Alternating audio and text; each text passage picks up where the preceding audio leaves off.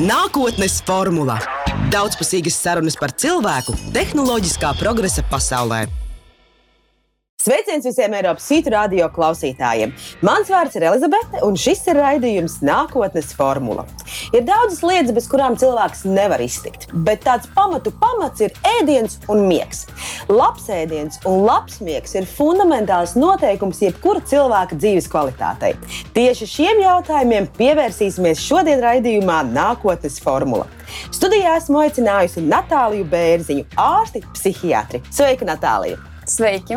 Paldies, ka atradāt laiku paviesoties raidījumā. Parasti mēs nākotnes formulā runājam par tehnoloģijām, inovācijām, sociālo ilgspēju, valstiski nozīmīgiem jautājumiem, pilsonisko sabiedrību. Bet šādi un tad var atcerēties, ka tāds pamatu pamats ir jā, mūsu veselība, drošība, miegs, ēdiens.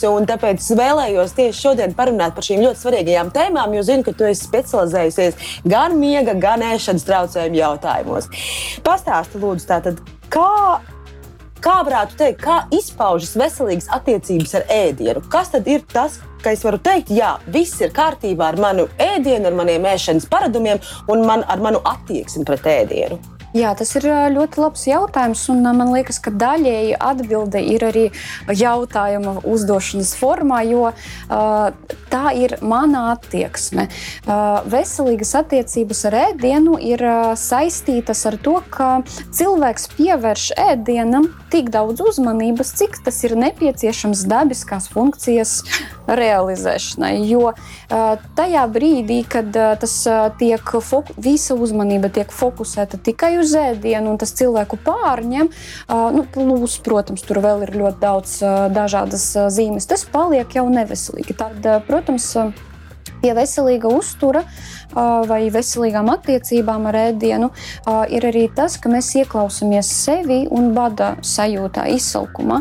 Jo var principā sadalīt, nu, es nedalīšu, bet ir tāds jēdziens, ka tāda intuitīva ēšana, nu, kā tas ir bijis pirmsākumos, mēs ēdām tad, kad mēs jūtām izsalkumu. Nevis tad, kad tas bija kaut kāds pasākums, vai man obligāti ir jāēd, vai es sev esmu nolikusi to laiku, kad man obligāti ir jāiet. Nu, kādreiz klausā, klausījās vairāk to bada sajūtu, un tas arī bija tas, kas mums parādīja to, ka es esmu izpadējusies, man vajag uzturvielas, lai es varētu enerģiju savu uzpildīt un tālāk funkcionēt. Tu ļoti labi terminu izmantoji. Tad intuitīva ēšana. Tas nozīmē to, ka pēc būtības, ja es klausos savā ķermenī, ja es klausos savām sajūtām, tad varbūt ir ok, ka kādu dienu man varbūt vispār negribas ēst, un kādu dienu man ir varbūt ļoti liels izsalkums, man tur gribas pat četras maltītes. Nu, vai šādā veidā tāds svārstīgums un mainīgums ir pieņemams, jo tas ir pretrunā ar ļoti daudzu arī dietologu rekomendācijām. Protams, ir jāatcerās, ka vienmēr ir jābūt tādam mēram. Ja, ir, ja tas ir vairākas dienas, kad cilvēks nēd un, un to dara piemēram apzināti, tā ir pavisam cita lieta, nopietna, kam ir jāvērš uzmanība. Jo tur var būt gan fiziskās veselības problēmas, gan arī kaut kādas emocionālās dabas problēmas. Jo ēdiens tāpat kā jebkura funkcija parāda to, kā mums klājās. Un kādreiz pēc tā vai nu ir vai nav apetīte, var pat noteikt, nu, aizdomāties par depresiju, piemēram. Ja, Bet, nu, ja, ja jūs jautājat tādā aspektā, ka nu, kādu vienu dienu tā apetīte mazāka, kādu citu dienu bišku lielāka, um, nu, ja tas nav ilgstoši, tas varētu būt ok. Man liekas, ka lie, nu, vairāk svarīgi ir nevis to, vai es ēdu vai nē, bet cik tas turpinās un cik lielā mērā mērā tas pēc tam noregulējās un ar ko tas ir saistīts. Protams, jūs varat izveidot savu režīmu tā, ka jūs tomēr pēdat tajā dienā, pat nu, ja baigi negribas, jo var paskatīties, kāpēc negribas. Vai tā ir skriešana, vai es kaut ko esmu darījuši un man nepietika laika. Vai, piemēram, man bija kaut kāds noteikts emocionāls stāvoklis, jo nu, nevar gluži teikt, ka nu, pilnīgi ok, ja cilvēks visu dienu nē, tomēr mums ir vajadzīga enerģija. Bet uh, es domāju, ka svarīgi ir. Nu, nekrist panikā. Ja vienu dienu kaut kas bišku nosvārstījās un, piemēram, tā apetīte bija mazāka, ka, ka, nu, ka tam ēdienam nedrīkst pārņemt cilvēku un pa visu varu tur vajag obligāti tur vakarā piesties, lai aizpildītu to enerģiju. Tas arī īsti nebūs pareizi. Tāpēc nu, tas ir tāds ļoti plašs jautājums, kas ietver sevi ļoti daudz apakšpunktus vai kaut kādas apakšnozares, piemēram, medicīnas, kas varētu pateikt, nu, ka tas, piemēram, ir līdzsvarā vai nē. Kas ir visbiežāk izplatītie ēšanas traucējumi? Um, principā uh, vispār ēšanas traucējumi lielākoties tagad vairāk runā par uh, neirotisko anoreksiju, neirotisko bulimiju, un agrāk bija uh, atipiskie ēšanas traucējumi, tagad ir um, um, pārēšanas epizodes, tā kā binge eating disorder. Um, un, um, Principā, ja mēs skaitām, tad tomēr biežāk ir tieši pārēšanās epizodes. Anoreksija ir samērā maz līdz pusotram procentam, bulimija bišku vairāk līdz 3%. Bet, protams, tie dati varijē, bet tieši pārēšanās un nu, tāda nekontrolēta ēšanas uzņemšana ir ļoti izplatīta tagad. Bet tur ir svarīgi saprast, ka tur tas emocionālais, emocionālā komponenta arī ir ļoti liela. Ko nozīmē bieži izplatīta? Par cik procentiem sabiedrības locekļu mēs runājam? Nu, piemēram, Latvijā, vai es nezinu, kādi dati tad ir pieejami? Latvijā mums ar to statistiku ir tā, kā ir. Bet ir dati, protams, no pasaules. Kopumā, ja mēs runājam par ēšanas traucējumiem, tie ir līdz 3,5%. Nu, tas ir vairāk nekā dažām psihiskām saslimšanām, citām, bet mazāk nekā, piemēram, depresijai. Un, protams, nu, es saku, ka ir variācijas. Piemēram, anoreksija ir retāk nekā bulimija, tur līdz pusotram procentam. Nu, tas tie procenti mm -hmm. sadalās, bet kopumā lī, nu, uz 3% tas varētu vilkt, ja mēs apkopojam, ja mēs ņemam kopumā ēšanas traucējumus. No tava profesionālā viedokļa, kāda tipa teiksim, tās slimības tās ir un vai mēs vispār tās varam saukt par slimībām? Jo dažkārt arī nu, teiksim, komunikācijas telpā un diskusijās par šīm tēmām figurē tāds jēdziens kā no sērijas bagāto meitenīšu slimības un visas pārējās lietas. Un skaidrs, ka ar to neslimo tikai meitenes, un skaidrs, ka tas nav. Uh, nu, tāds gribu, negribu jautājums. Vai tu vari ieskicēt to medicīnisko pusi, kādi ir tie cēloņi un kāda veida traucējumi vai slimības šie ir? Jā, noteikti. Ēšanas traucējumi pieder pie uzvedības un fizioloģisko funkciju traucējumiem. Tie ir klasifikācijā pie psihiskiem traucējumiem.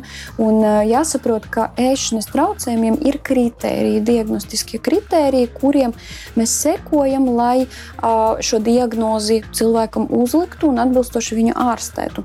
Otrs, otra puse ir Mm, nu, teiksim, tā, ēšanas pārādumu izmaiņas, kas varētu neliecināt obligāti par traucējumiem. Un, Pie ēšanas traucējumiem etioloģija, jeb izraisītāju faktoros, min dažādus. Tie ir multifaktoriāli traucējumi. Tas nozīmē, ka ir noteikta ģenētiskā loma, tātad ēšanas traucējumi kādam ģimenē ir bijuši, vai noteiktas pārmaiņas, kuras ir bijušas ģenētiski, kas tiek pārmantotas. Un tad cilvēks piedzimst ar noteiktu nu, tādu teiksim, tā, jūtīgumu, predispozīciju um, uz traucējumu attīstību. Tālāk tas nenosaka absolūti, ka noteikti ēšanas traucējumi attīstīsies. Tālāk ieslēdzās psiholoģiskie un sociālie faktori, kas tiek uh, krāti, uh, kas mums apkārt uh, ir. Un cilvēks noteiktā brīdī, ja viņš ir jūtīgs, ja predisponēts uz to, viņam šie ēšanas traucējumi var sākties. Un ar tiem sociālajiem faktoriem nu, tur ir daudz, protams, un viens no tiem nu, tādiem svarīgākiem manā uzskatā ir mēdīs, sociālā vide, tā, tas, kādu veidolu mēs piedāvājam cilvēkam. Un cilvēks, kurš piemēram, psiholoģiski, ja mēs runājam par citiem faktoriem, ir tāds emocionāli jūtīgāks, viņam varbūt pašvērtējums ir tāds trauslāks. Tas sāk iedvesmoties un ar ķermeni asociēt pilnīgi savu vērtību. Un tālāk aiziet tas lokus, ja es neesmu ideāls savā ķermenī, pēc maniem priekšstatiem, tad es neesmu vispār gana labs, neesmu veiksmīgs un tā tālāk. Es esmu lasījis to, ka tas ir arī savā ziņā kaut kāds tāds kontrols mehānisms. Nu, ja cilvēkam Jā. ir sajūta, ka viņš neko citu dzīvē nekontrolē, Jā. tad viņš var spēlēties ar šīm ešanām, nēšanām un, un, un, un, un pārēšanos vai vēl kaut ko tādu. Un kaut kādā ziņā tas ir tas viņa kontrols lauks, kur viņam ir tā varas pozīcija par savu ķermeni. Noteikti tas ir viens no tiem psiholoģiskiem faktoriem, kas tiek uh, minēts. Jo, ja ir piemēr, piemēram hiperaprūpējoša mamma, nu, tāda mamma, kas ir nu, pasargā nu, no visa, nu, nu, no visa, kas vien ir iespējams, nu, šajā brīdī uh, bērnam nav tādas sajūtas, ka viņš kaut ko varētu regulēt vai kaut kas pieder viņam, jo tās mammas ir tik nu, pārāk daudz. Un tajā brīdī brīdī tas varētu būt arī par to priekšnosacījumu, ka vismaz ar ēšanu es varu sevi kontrolēt. Nevis kāds kontrolē mani. Un tas parasti nu, to var pamanīt jau bērnībā, ja mēs atskatāmies atpakaļ un papētam, kādas tās attiecības bija. Vai arī otrādi mammai, ka, kura nu, mazāk teiksim, pievēršas bērnam, un tā piesaiste ir tāda tālāka. Um, tad eh, šajos gadījumos arī um, ēšana un ķermenis tiek pozicionēts kā kaut kas, kas ļaus mani mīlēt vairāk. Ja man būs noteikts veidos vai priekšstats, tad mani mīlēs. Un šī nepieciešamība pēc mīlestības kādreiz var atsvert vispār nepieciešamību dzīvot. Un tajā brīdī tas ēšanas traucējumu ietvaros, ja mēs runājam par anoreksiju, tad tas nu, no, var novest pie ļoti tādām dramatiskām sekām un izteiktām grūtībām. Bet, protams, nu, tie, ko jūs minējat, un es minēju, tie nav visi faktori. Un ir jāsaprot, ka tas ir ļoti individuāli katram cilvēkam. Tieši tāpēc ir nu, ir ļoti uzmanīgi jāpēta, kādi ir tie faktori, ko mēs darām, kādas ir attie, attiecības ar ēdienu. Jo pie ēšanas traucējumiem, kad mēs definējam, ka tie jau ir traucējumi, tad uzturs pārņem visu cilvēka domāšanu. Viņi domā par ēdienu, viņi vairāk um, kontrolē, viņi vairāk seko. Nu, tas sāk ietekmēt cilvēka sociālo funkcionēšanu. Viņš nevar, piemēram, aiziet uz restorānu, ja viņš nezina ēdienkarti, mm. viņš nezina, cik tur ir kalorijas. Viņš nevar dzīvot, jo viss viņa uz, visa uzmanība tiek pievērsta ļoti sašaurinātam. Um, Aspe, nu, tādam šauram uh, virzienam, un, un tas viņam liedz nefunkcionēt, kā viņš funkcionēja iepriekš. Un tas arī ir traucējumu definīcija, ka tas ne mm. tikai kaut kāda tur, nezinu, tur simptomu sāraksts vai liste, bet tas ļoti svarīgs moments ir, ka tas cilvēkam pašam traucē. Kurā brīdī uh, cilvēks domājot par savu ēšanu, par saviem ēšanas paradumiem un savām attiecībām ar ēdienu, var nezinu, veikt tādu pašdiagnostiku vispār un saprast, nu, kurā brīdī kaut kas, ar ko es varu tikt galā pats, un pārvēršas par jautājumu, kurā brīdī man ir jādodas pie speciālista. Mm -hmm.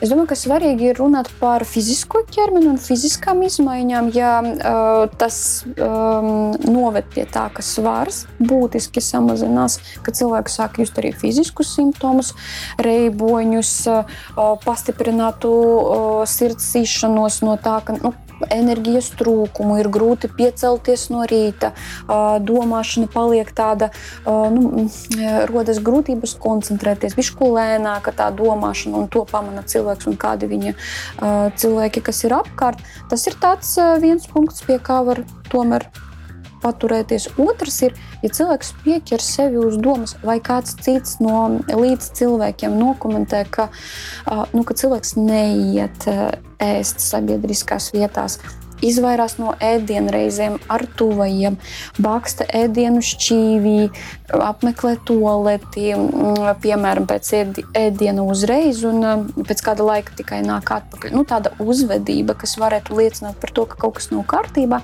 tas ir tas, kas eh, palīdz atpazīt. Bet šeit man ir jāsaka, ka, ja mēs runājam par anoreksiju, tad eh, nu, cilvēku nu, kritika, jeb tāda no pašizpratne par to, ka tie ir traucējumi, tur ir samazināta. Tas nozīmē, ka viņi paši var to arī neatpazīt.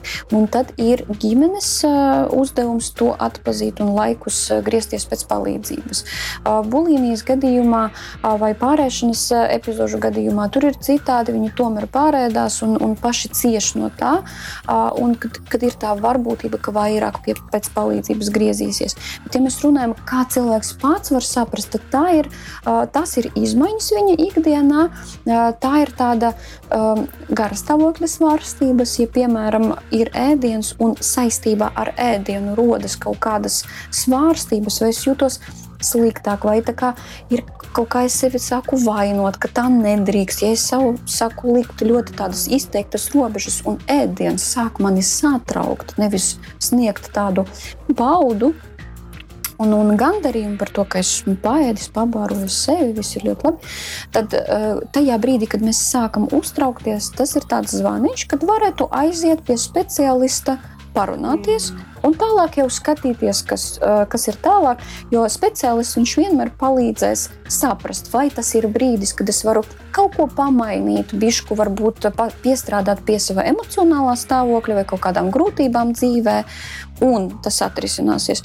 Vai tas ir jau traucējums, un tur ir vajadzīga komanda ēšanas traucējumiem, un tas tiek mm, noteikti ārstēts. Vēl ir jautājums, pie kāda ārsta vispār vērsties. Vai tas ir psihologs, vai tas ir psihiatrs, vai tas ir dietologs, vai tas ir neiroloģis. Nu, jo no tā, ko tu stāsti, tur ir ļoti daudz dažādas jomas, kas ir iesaistītas, un tā ir tāda kompleksa diagnostika, lai vispār saprastu to cēloņu sakarību kaut kādai problēmai.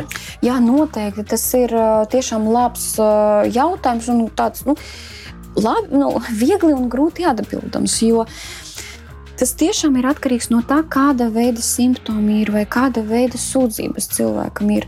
Uh, ir jāatšķir ēšanas traucējumi, kad tie rodas fizisku saslimšanu dēļ. Piemēram, nu, cilvēkam ar vairogdziedzera grūtībām, vairogdziedzera mm, funkcionēšanas traucējumiem, varētu būt arī izmaiņas apetītē, kas nosaka to, ka viņam ir jāgriežas pie endokrinologa. Mm. Tālāk var būt kaut kādas neiroloģiskas saslimšanas, tad ir neiroloģis. Es domāju, ka viss tāds loģiskākais ir aiziet pie ģimenes ārsta, kas sevi iekļauj vairākus, protams, aspektus. Viņam ir jāsaprot ļoti daudz. Uh, un tad ģimenes ārsts palīdzēs iztaujājot, izmeklējot, saprast, vai tas, tas ir fiziskais vai tas ir emocionālais. Un tad atbilstoši, ja tas ir saistīts ar emocionālo, ja tas velk uz ēšanas traucējumiem, tad noteikti ir psihiatrs.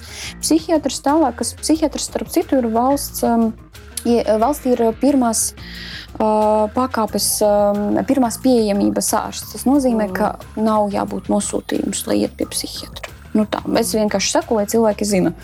Uh, tā tad psihiatrs un tālāk psihiatrs palīdzēs uh, ieteikt vai nu psihoterapeitu vai psihologu. Tas ir viens ceļš. Otrs, ja tas ir tomēr fiziskais, tad uh, mēs ejam pie atbilstoša specialista, kas tad ir traucēts. Bet ne obligāti uh, ir jāiet uh, tikai pie ģimenes ārsta. Uh, ja cilvēks jūt, ka, viņš, uh, ka viņam noteiktas dzīves sfēras ir, kas varētu ietekmēt elpu, uh, ēšanu, un uh, tas ir saistīts ar emocijām emocionalitāti vai kaut kādām psiholoģiskām grūtībām, tad var uzreiz pat aiznoiet pie psihologa, psihoterapeita. Kāds ir tavs varbūt, viedoklis un tāds profesionāls skatījums uz šiem jā, jaunajiem, trakajiem cilvēkiem, kas dzīvo 24 stundas diennaktī, 7 dienas nedēļā? Un ļoti bieži šīs ārkārtīgi paaugstinātā tempa skrējienā rodas abu veidu traucējumi, gan ar miegu, gan ar ēšanu. Kas, kas palīdz šiem cilvēkiem? Vai tur ir kaut kādas, es nezinu, zāles vai pašpalīdzības mehānismi bez, kā saka, meditācijām un, un, un garām pastaigām pie jūras un vienkārši šīs stopkrāna noraušanas, vai ir vēl kaut kādi veidi, kā tu rekomendēji sabalansēt to dzīvi, lai tas viss pēc tam nenonāk pie tiešām, patiešām jau pie nopietniem traucējumiem, kas ir jāārstē pie nopietniem speciālistiem? Nu, jā, es noteikti piekritīšu, ka tagad dzīves temps ir tāds ļoti nežēlīgs, un cilvēki arī pret sevi ir nežēlīgi šajā ziņā. Viens no tādiem ieteikumiem ir dzīves un darba balans, life-work balance. Tas ir tas, ko tagad piemin bieži, un citi cilvēki arī saka, ah, es tur tur zinu visu to, mazāk jāstrādā, vairāk jāatpūšas. Bet tas nav īsti tā, jo cilvēks, kurš strādā, kam ir um, nu, tāda vēlme veidot karjeru, vai kādam, kam var, vajag vispār izdzīvot šajā sabiedrībā, tātad uh, viņam nevar vienkārši pateikt, ai, vairāk atpūties. Tas ir nu, tas ir nekas. Nu, tas, ir, nu, tas ir tieši tas pats, kas uh, pateikt depresijas slim, slimniekam, nu, saņemies, un nu, kā saka, nu, taču viss kārtībā, vai cilvēkam ar nopietniem, teiksim, bioloģiskiem un, un, un psihiatriskiem ēšanas traucējumiem pateikt, nu, kam on, tas paiet normāli. Nu, mm -hmm, mm -hmm, jā, jā, un uh, tieši tāpēc nu, tas life-work balance uh, iekļauj vairākus aspektus. Nu, lai kā mēs arī negribētu, lai, lai kā mums arī nepatiktu, uh, mums mūsu ķermenim nu, sava veida režīms patīk. Un, tas ir saistīts ar um, miegu. Uh, jo nu, tas, ko tātad pateikšu iepriekš, tātad, ko var darīt?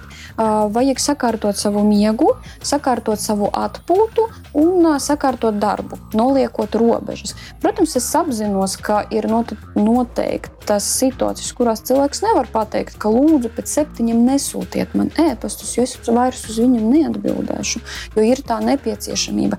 Bet tas ir īstenībā psiholoģiskais aspekts.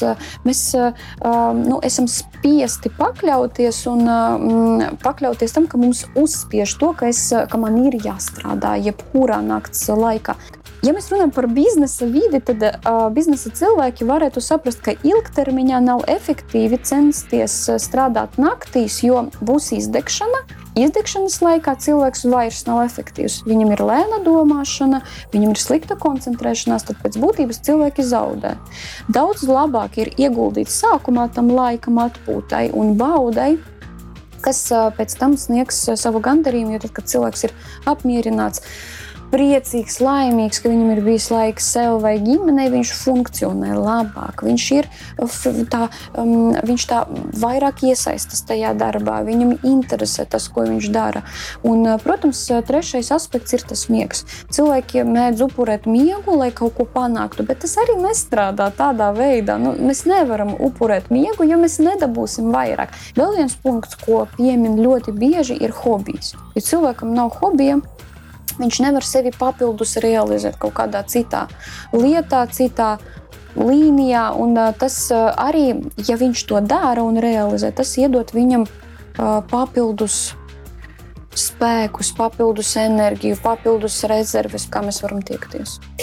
Pirms mēs vēl ķeramies klāt tai miega tēmai, man ir dažo, daži detalizētāki un dziļāki jautājumi. Es gribēju noslēgt to ēšanas jautājumu ar vienu domu, kas man ienāca prātā. Kāds varētu būt rezultāts, un vai tas ietekmē, un vai tas var radīt ēšanas traucējumus nākotnē, ja es esmu tāds visas dienas skrējējis, tā maltītēm nepievēršu uzmanību ar to, kas pagadās, iespējams, veselīgi, iespējams, neveselīgi, iespējams, nemaz. Nu, vienmēr sakot, nu, kā saka, tie cilvēki, kas dzīvo ar mūžīgajiem teikavējiem un ēd pie datora paralēli skatoties, skatoties darba ēpastus vai, vai, vai lasot kaut ko, vai, vai, vai tādā veidā dzīvojot.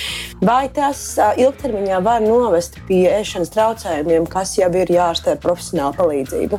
Nu, ir jāsaprot, kāds cilvēkam ir background, vai viņš ir ģenētiski predisponēts uz ēšanas traucējumiem. Ja viņš mm. ir un ģimenē kādam ir bijuši, vai vispār attiecības ar ēdienu ģimenē bijušas sarežģītas, tad jā, tas potenciāli varētu būt viens no faktoriem, kas var palaist ēšanas traucējumus un ir, jā, ir jābūt uzmanīgiem. Bet eh, es domāju, ka visdrīzāk tāds dzīvesveids varētu novest pie tā, ka sabrūk fiziskā veselība un uh, pie tā, ka rodas traucējumi, kunga čūlas un tā tālāk, un tā tālāk. Tas viss ir zināms, uh, ka tas novedīs pie tā. Bet tomēr vēl ir interesants tas fakts, ka, piemēram, mēs nekad nezinām, cik tie faktori sak, uh, sakrāsies. Un, ja, piemēram, cilvēks, kas visu laiku strādā, skrien, viņam ir deadline, nu, nu, biznesa, da jebkas, un kaut kādā brīdī. Um, Viņam rodas tāds emocionālais stāvoklis ar tādu nomāktību, varbūt ar kaut kādu tādu izdegšanu, un vēl tas varētu būt saistīties ar sabiedrības spiedienu, kādam cilvēkam ir jābūt. Un, ja tas saslēdzās ar ēšanu, ar ķermeni, tad kaut kādā brīdī, nu, noritot tik sarežģītu mehānismu, tas arī varētu novest pie tā, ka var attīstīties ēšanas traucējumi. Bet, principā, jā, sociālā vide, mūsu uzvedība, skriešana, nedošana laiku, nu, laika sev nedošana ēšana, lai mēs varētu atpūsties. Jā, tas potenciāli varētu būt viens no riska faktoriem. Par miegu. Aha par pucēm un cīruļiem. Pirms mēs rokam dziļāk, es tomēr šo stereotipu vēlos arī tev pajautāt. Es esmu ar ekspertiem runājusi, un tie skaidrojumi un tās, tās atbildes ir ļoti dažādas, un arī dažādu jomu, arī eksperti, arī medicīniskā ziņā dažādi interpretē šo. Bet, nu, kā ir? Nu, ir tādi cilvēki, kuri tomēr ir vairāk rīta cilvēki un vairāk vakara cilvēki, vai tomēr tas ir, ir ilūzija un tas ir pašveidots režīms, pie kura tu vienkārši esi pieradis? Ir, ir, ir noteikti uh, chronoloģiskie varianti uh, cilvēkiem, viņu smadzenes funkcionē bišku citādi. Un ir cilvēki, kam tā diena ir garāka un atbilstoši nakts, un ir cilvēki, kam ir īsāka. Protams, nu, medicīnā izdala arī traucējumus, kas ir saistīti ar to, ka ir novēlota aizmigšanas fāze vai pārāk āgra aizmigšanas fāze. Nu, tas notiek tā kritiski un ļoti ietekmē cilvēka funkcionēšanu. Ir arī tādi pētījumi, kas parādīja, ka ir cilvēki, kam nu, tas stundu skaits pēc būtības tajā dienā, diennaktī ir bijis vairāk nekā 24, tāpēc viņam rodas tādas nobīdes. Jā, bet, protams, ar miegu daudz kas vēl ir neskaidrs. Piedod, ka es tev pārtraucu, tas vienkārši ir viens tas faktors, kas ir piemēram stress. Un stress to visu balansu pilnīgi izjauc. Varbūt normāli es jūtos labi teiksim, ar savām sešām stundām. Tad, kad man ir stress, es pagūdu divas stundas, un man ir vienkārši acis kā pūcei, un es varu darīt visu, ko man tajā brīdī ir jādara. Tur ir, man liekas, arī tie, kas iejaucas kā, pa vidu un viņi samaina, un tu vairs nejūti to savu ķermeni un tam līdzīgi, bet tur jau strādā cita bioķīmija, kas pilnīgi maina tavu vispār mm. funkcionēšanas mehānismu. Jā, ja mēs runājam, nu, ja tas ir īslaicīgs stress, ir ok, tas mūs mm. Nu, mobilizē, motivē, mēs tur visu izdarām un viss var atpūsties. Bet, bet ja tas stress ir ilgstošs, tāds nu, fonā vai bāzes līmenī, tad tas gan nav veselīgi, jo tas eh, izraisa ilgstošas um, pārmaiņas. Bet, jā, protams, miegu ietekmē ļoti, ļoti daudz dažādi faktori. Uh, un, un, Vislabāk ir skatīties ilgtermiņā, principā papētīt, rakstīt miega dienas grāmatu, kad es kurā brīdī cik guļu, kas mani ietekmē, ko es domāju. Tā var uh, izpētīt, kāds ir tas mans patērns. Uz cik ilgtermiņš uzreiz precizēju? Ilgtermiņš par ko? Teiksim, šādas dienas grāmatas izveidē pēc cik ilga laika posma, kad es fiksēju? Vismaz mēnesis. Uh mhm. -huh. Vismaz mēnesis, parasti divas nedēļas, bet vismaz mēnesis. Tad skatās, kāds ir tas aptuvenais uh, režīms. Un uh, tas arī miega speciālistiem, kas nodarbojas ar, piemēram, miega traucējumu ārstēšanu. Uh, viņam arī tas, uh, tā miega dienas grāmata ir kā rīks, kā mēs redzam, kā variet cilvēka um, laiki, kad viņš aiziet gulēt, kad ceļās, kas ietekmē. Ja, tas palīdz izveidot tādu režīmu, mm. kas ļauj cilvēkam nu, būt mierā ar sevi. Ko tu saki par powernapiem vai tā saucamajiem, nezinu, mazajiem īsajiem spēka atpūtas brīžiem darbdienas vidū, teiksim, ne tikai maziem bērniem, bet arī pieaugušajiem? Ja tas ir līdz 30, 40 minūtēm, tad tas varētu būt. Tas palīdz atgūst spēkus, višku enerģiju atjaunot, un no tā nu, nav nekas tāds slikts mums. Cilvēkam, kam nav miega traucējumi. Ja mēs runājam par cilvēku, kam ir bezmiegs, kurš mēnesī ir gulējis maz vai slikti pamodies, nevarējis aizmigt, un viņam miegs ir um, neefektīvs. Tad šim cilvēkam, ja viņš gulēs dienas laikā, Nu, tas, protams, palīdzēs atgūt spēkus, bet tas arī ietekmēs to, kā viņš varēs tikt galā ar uh, bezmiegu. Un tas pasliktina viņa mm. spējas tikt galā ar bezmiegu, jo tur ir arī nu, tāds nu, teiksim, tā, noguruma krāšanas mehānisms, ko mēs darām, lai veiksmīgāk aizmigtu. Mēs pamostamies, sākam krāt nogurumu, un tas mums izslēdz kopā ar cirkadieniem ritmiem, kas ir otrs mehānisms. Tie abi strādā. Protams, tur ir vēl sīkāk, bet nu, tā mm. vienkārši runājot. Bet, um, un, un tad, ja cilvēks, piemēram, viņam ir bezmiegs, un tad viņš pamostās, sāk krāt to miegu, un tad paguļ, tad samazinās šis miega spiediens, un tas varētu vainagoties ar to, ka viņš grūtāk aizmigs. Ja mēs runājam par cilvēku, kam miega traucējumi nav, vienkārši gribās bišku mm -hmm. nosnausties dienas laikā, līdz pusstundai var. Jo mēs mm. ne, galvenais ir neiet uh, dziļajā miega fāzē, um, nepaspēt ieiet, lai tas netraucē pēc tam vakarā miegu. Finiša taisnē, ja ejam mūsu sarunas, saprotu, ka tāda augsta ambīcija mēģināt šīs abas tēmas izrunāt vienas sarunas laikā, bet tā kā tu orientējies abos jautājumos, tad es nevaru neprasīt. Ieskicē, lūdzu, kādi ir šie pašlaik visbiežāk izplatītie miega traucējumi, ar kuriem tu strādā arī profesionāli? Es konkrēti strādāju ar bezmiegu. Tas arī ir ļoti izplatīts līdz 10%. Ja mēs runājam par tādu chronisko, pat līdz 30% atrod kaut kādus miega traucējumiem dzīves laikā cilvēkiem. Mm. Ja, tā ir tāda statistika no pasaules, bet nu, tie 10% aptuveni ir. Vēl ir bieži izplatīti nemierīgo kāju sindroms, ir parasomnijas. Tas ir tad, kad noteikta miega fāzē nenotiek inhibīcija muskuļiem, tad muskuļi netiek relaksēti relaksēt, un cilvēks vai nu staigā naktī, vai izlādējas darbībā kaut kādā. Plus, miega. Tas ir tas nemierīgo kāju sindroms. Nē, nē tur ir cits? vairāk. Tur ir cilvēki, kas ceļās naktī, staigā vai ēd, vai tur nezinu, paņem mašīnu, kaut kur aizbrauc. Arī tā var būt. Kur, nu, nu, arī tas var būt. Jā. Tā kā, Tas ir, protams, tas, ko tautā sauc par mēnesi sardzību. Jā, jā mm. daļēji tas. Uh, Un, protams, vēl ir jārunā par miega apnoju, kas ir ļoti izplatīta. Tā ir ļoti liela problēma. Es ar to strādāju mazāk, bet miega centrā, miega slimību mm. centrā ar to strādā. Tas ir tad, kad cilvēks krāts, bet tas nav tikai par krāpšanu. Krāpšana tikai ir tāds simptoms, kas parāda to, ka cilvēkam ir grūtības elpot naktī, kādēļ viņam rodas mazāks skābekļa daudzums, lielākas slodzes uz citiem citiem orgāniem, sirdi un tā tālāk. Un tas rezultējās potenciāli ar ļoti nopietnām veselības problēmām tieši sird, kardiālā sfērā, sfērā sirds asinsvadu sistēmā. Un tas ir tad, kad cilvēks naktī, naktī var piemēram neelpot kaut kādas pāris sekundes, vai, vai vienkārši viņš krāts. Tur vienmēr ir jā, jāizmeklējas. Tas ir tāds ļoti tāds mans draudzīgs, silts ieteikums. Ja jūs zinat kādu, kurš krāts, lai viņš aiziet izmeklējas, uztaisa skrīningu um, un, un laikus atpazīst to problēmu. Un kādi vēl ir tie varbūt faktori, kas varbūt liek domāt, ka tā krāpšana nav gluži parasta krāpšana, bet varētu būt teiksim, kaut kas saistīts ar miega traucējumiem? Nezinu, varbūt kaut kāda paaugstināts nogurums, nezinu, noguļu 9 stundas stundas, tik un tā esmu noguris. Vai tur ir kaut kāda arī loģika pēc tam tajā dienā, ko tu pavadi, mm -hmm. ja ir šī problēma? Jā, noteikti. Cilvēkam paliek, jūs ļoti pareizi minējāt, nogurums, grūtības paciest fizisko slodzi, grūtības koncentrēties. Nākamajā dienā var būt galvas sāpes, miegainība vai tāds nu, pat nomāktība savā veidā varētu būt. Un tas nosaka to, plus ir arī zināmi tādi riska faktori papildus, kas nosaka to, ka, ja cilvēkam ir krāpšana, plus tie faktori, mm. ka ir jāiet izmeklēties, tas ir mm, paaugstināts ķermeņa svārs, adipozitāte, tas ir chroniskas problēmas ar sirdi, tas ir vīrietis pēc 50.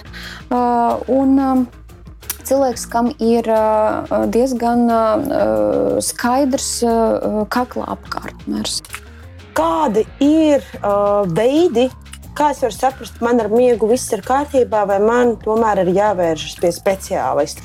Uh, ja cilvēkam ir grūtības aizmigt, ka viņš nevar aizmigt ilgāk par pusstundu, tas sāk viņu uztraukt. Plus, ja ir vairākas pamošanās naktī, ko cilvēks atcerās, pēc tam nevar aizmigt, vai viņam ir grūti aizmigt, vai tas paņem stundu, divas, vai arī ja viņš pamostās no rīta agrāk nekā ir modinātais un pēc tam nevar aizmigt. Tie ir miega traucējumi. Ir, tas ir bezmiegs, ja tas ir pietiekami ilgi, ja tas ir vismaz trīs naktis nedēļā, vismaz mēnesī. Šeit ir bezmiegs.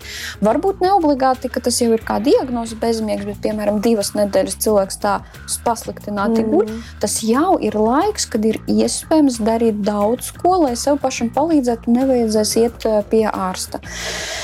Pabeigšu par, par to, ka, ko nozīmē gulēt labi. Nākamajā dienā, ja cilvēks um, nejūtās um, tāds frišs, mundrs, aktīvs, mm. viņam grūti koncentrēties, ir uh, ēšanas, starp citu, uh, apetītes traucējumi, ka viņam gribās ēst vairāk kaut kādus našķus, kaut kādus tādus treknākus ēdienus, un tas tā apetīte ir lielāka. Tas arī nosaka to, ka mm, nu, daļēji tas miegs eh, varēja būt tāds sliktāks, kādēļ nu, tur neizdalījās leptīns pietiekami, mūsu sāta sajūta ir uh, neregulēta. Uh, tātad plus nākamajā dienā tātad aizskaitinājums uh, darīt. Ja cilvēks pamana, ka pāris naktis uh, ir tā, ka ir grūti aizmigt vai pamošanās, un tas, ko es minēju, uh, miega higiēna ir zelta standarts, tas ir wow, par ko runā.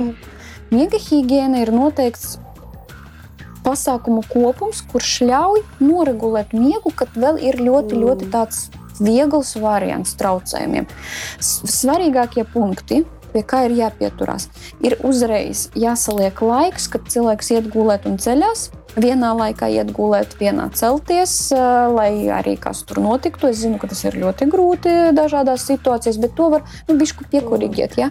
ja ir kaut kāda pusstundiņa tas laiks, kad var iet, tas vēl nekas. Ja ir tā, ka vienā naktī iet 9, citā 12, vēl 10, tad vēl 1, ja tas ir, tad var uzreiz pateikt, ka būs pauzes pēc tam, pēc kaut kāda laika. Bet tā tad viens laiks, kad iet gulēt, viens, kad ceļās. Ja slikti gulējāt, nevajag mēģināt mēģināt dabūt to miegu, aizgulēties. Nu, es vēl stundiņu pagulēšu, vēl divas. Tas, kā jau teicu, neļauj krāt miegu, un tas rezultēsies ar to, ka būs grūtāk aizmigt nākamajā vakarā. Tas savukārt radīs vēlmi atkal pagulēt, un aizgāja tas apburtais lokus kas uztur ēšanas traucējumus. Un vēl viens tāds punkts, pie kā pieturēties, ir Arī brīvdienās ir jāveido tāds režīms, jācenšas veidot, lai nav baigās variācijas. Jo e, tie kādreiz, kas e, mēģina ievērot režīmu, es esmu pamanījusi pēc sevis noteikti, ja es visu nedēļu ceļos sešos, ja pat es gribētu pagulēt brīvdienās, es vienalga celšos vai nu sešos vai septiņos ap to laiku, un nevajag sev, sevi spiest gulēt vairāk. Un plus, protams, miega higiēna sevi iekļauj vides modificēšanu un sava prāta nomierināšanu pirms miega.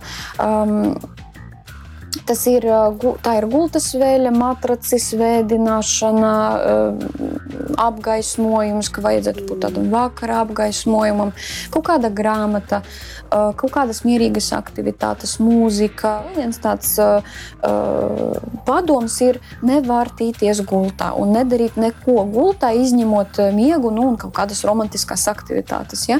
Nelasīt, nestrādāt, nesurfot internetā, neskatīties TV, neko nedrīkst pēc būtības darīt uh, gultā. Gulta ir miegam. Kā ir? Nu, vai tad vakariņās patiešām mums tur ir jāievēro, cik tās stundas pirms tā miega? Tās ir divas vai četras, vai kā, un vai brokastis ir obligātas. Nu, kā tad veidojās šī cikla savienojuma punkti?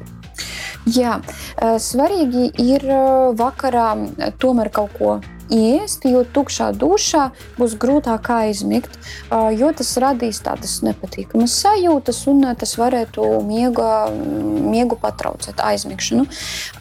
Ēšanai jābūt vieglai. Um, jo smags treks, treknis ēdiens rada vajadzību organismam to visu pārstrādāt, un mūsu iekšējie orgāni ir spiesti strādāt citā režīmā nekā tas ir domāts naktī, lai to visu pārstrādātu. Tāpat ir ar alkoholu. Alkohols, ko kādreiz cilvēki mēdz iedzert vakarā, lai it kā labāk aizmigtu, pēc būtības rada papildus tādu toksisko slodzi uz aknām un arī uh, pasliktina miegu nu, arī no tās puses, kad ir aknas, kas ir iesaistītas un citi orgāni, lai to pārstrādātu. Bet arī alkohols pats par sevi sabojā miega fāzes un rada miegu tādu, padara miegu tādu virspusēju. Un labāk, protams, ir ēst nu, stundas, divas pirms cilvēks grasās iet gulēt. Bet, eh, bet ar to pamošanos labāk ir um, ar gaismu pamosties, ar gaismu un aktivitāti. Mm. Tas ir, uh, jūs pamostaties un vai nu ir ieslēgtas ļoti gaišas uh, lampas, kas ir dienas gaisma, vai aizskari nost un jūs dabūnat sauli, kas nospiež melatonīnu vēl vairāk, un mēs dabiski pamostamies. Plus pat jau gultas robežās var bišku izvingrot, izstiepties, tur uh, nu, tādus vieglus vingrinājumus uztaisīt, kas arī palīdz mm. pamosties. Pēc tam var ieturēt brokastis ar, ar to, kas jums patīk. Uh, savu labsajūtu potenciāli. Tur nav nekādu tādu no manas skatu punkta mm, supersvarīgi ieteikumi, kas būtu obligāti jāievēro. Galvenais ir tās fiziskās aktivitātes un gaisma. Tas ir, manuprāt, tāds svarīgākais, kad cilvēki pamostās. Kā modernās tehnoloģijas ir ietekmējušas abus šos, kā jau es minēju, fundamentāli nozīmīgos aspektus, kas veido mūsu dzīvi, ikdienu, šo dzīves kvalitāti. Tātad gan, gan ēšanu, un ēšanas paradumus, gan miegu un miegu paradumus. Dramatiski. Dramatiski ietekmē. Jo kas notiek? Mēs esam ar gadgetiem visu laiku. Īpaši vakarā, ja mēs dienas laikā bijām ļoti noslogoti. Mēs nepagūvam paskatīties, kas tajā Facebookā ir svarīgs noticis. Tagad ko... vai, tur jau Facebook jau ir tikai viens no jā, jā, jā, nu kas tur tajā Twitterī vai, vai es taču palaidu. TikTokā un Instagramā jā, jā. tik rodās un rodās kā sēnes nu, lietas. nu, jā, es taču palaidu dzīvi garām. Jā. Un, protams, cilvēki tad izmanto vakarā. Tas aplikācijas mm. vēl jo vairāk tas notiek gultā, pirms miega. Un labi, ja cilvēks, piemēram, um, pārslēdz savu gadgetu uz nakts režīmu. Tad vēl ir tīri neko, jo tur nav vismaz tā zilā gaisma, kas mums neļauj izstrādāties melatonīnam. Tad vēl ir nu, tolerējumi, bet atkal mm. nu, nedrīkst to darīt gultā, tās tehnoloģijas. Um, bet otrs ir informācija. Tehnoloģijas ir superlabas, tas mums ļauj attīstīties. Es tikai pāru un viss ir ļoti labi. Bet ir atkal uh, jāskatās par līdzsvaru, kad mēs to izmantojam, un ir jābūt laikam, kad mēs esam bez tā. Un laiks, piemēram, nu, ja es nodarbojos ar bezmiegu, Un mēs šodien arī runājam par to, un arī par ēšanu. Tātad vakarā, kad cilvēks gatavojās miegam, labāk to informāciju paņemt nost. Nu, nebūs, nu, nu nesabruks pasaule no tā, ka es neuzzināšu, ko mans draugs Instagramā ir ielicis vakarā, jā, piemēram. Un, eh, bet tas rada mūsu smadzenēm priekšnosacījums, ja mēs to nedaram, mm. atpūsties, sagatavoties miegam, un viņam nevajag papildus informāciju apstrādāt. Tas ir, ja runātu par, par miegu. Um, otrs ir, ja mēs runājam par ēšanu, kā mēs esam, nu, mēs skre, skrienam, ceļā mēs ēdam, ceļā mēs skatāmies jaunumus, lasām ziņas, vēl tur mēģinam. Mm, Darām to visu paralēli. Skrienam, plus lasām, plus ēdam. Jā, bieži vien varbūt arī tā. Un, un ēšana kopā ar telefonu ir tas, kas neļauj būt uh, apzinātai ēšanai. Kas, mm. Kad mēs vērojam, kā mēs jūtamies ēdiena tekstūra, garša, krāsa, ko mēs iegūstam no tā. Mēs esam telefonā. Pirmkārt, mēs vairāk apēdam, otrkārt, mēs nejūtam, ka mēs esam paēduši, jo tas kaut kā neaiziet impulsus, kaut kā pazuda. Centiem, nav, ne, baudas centriem nekas tur netiek kairināts. Tieši tā, jā, tas kaut kur tajā informācijas plūsmā pazuda. Es to neesmu pamanījusi. Es nezinu, vai es esmu apēdusi vai paēdusi, vai, vai kas ir noticis.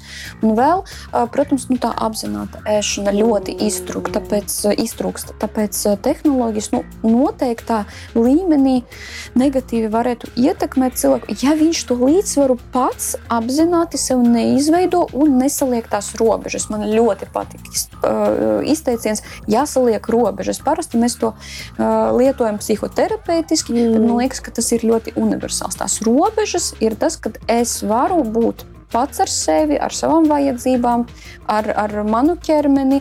Un tas ir svarīgi atbrīvoties no visa pārējā noteiktajos brīžos. Vismaz dienas laikā.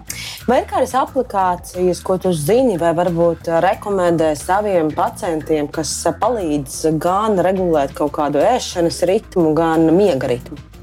Par ēšanas ritmiem nu, tur ir tur ir grūtāk, tur ir jāskatās, tur sāk skaitīt kalorijas, un tur fotografēt. Tas varētu neaiziet ļoti labi, tāpēc ar tām aplikācijām es gan Nu, tā ļoti piedomāta, un es parasti to nerekomendēju. Bet par miegu runājot, gan ir aplikācijas ļoti daudz, kas sevi iekļauj noteiktus vingrinājumus, ko es parasti vai nu mācu, vai mēs konsultācijas laikā izrunājam, vai mēs arī iedodam kaut kādu audio, vai es lūdzu cilvēkam paskatīties. Galvenā ir tā ideja, ka tur iekšā ir vingrinājumi, kā mēs varam vai nu radīt miegainību, mazināt stresu, veicināt apziņotību vai apzināti sevi sagatavot miegam, un plus tur var būt noteikti ieteikumi režīmam, mm. ko varētu izdarīt vēl papildus, lai to miegu veicinātu.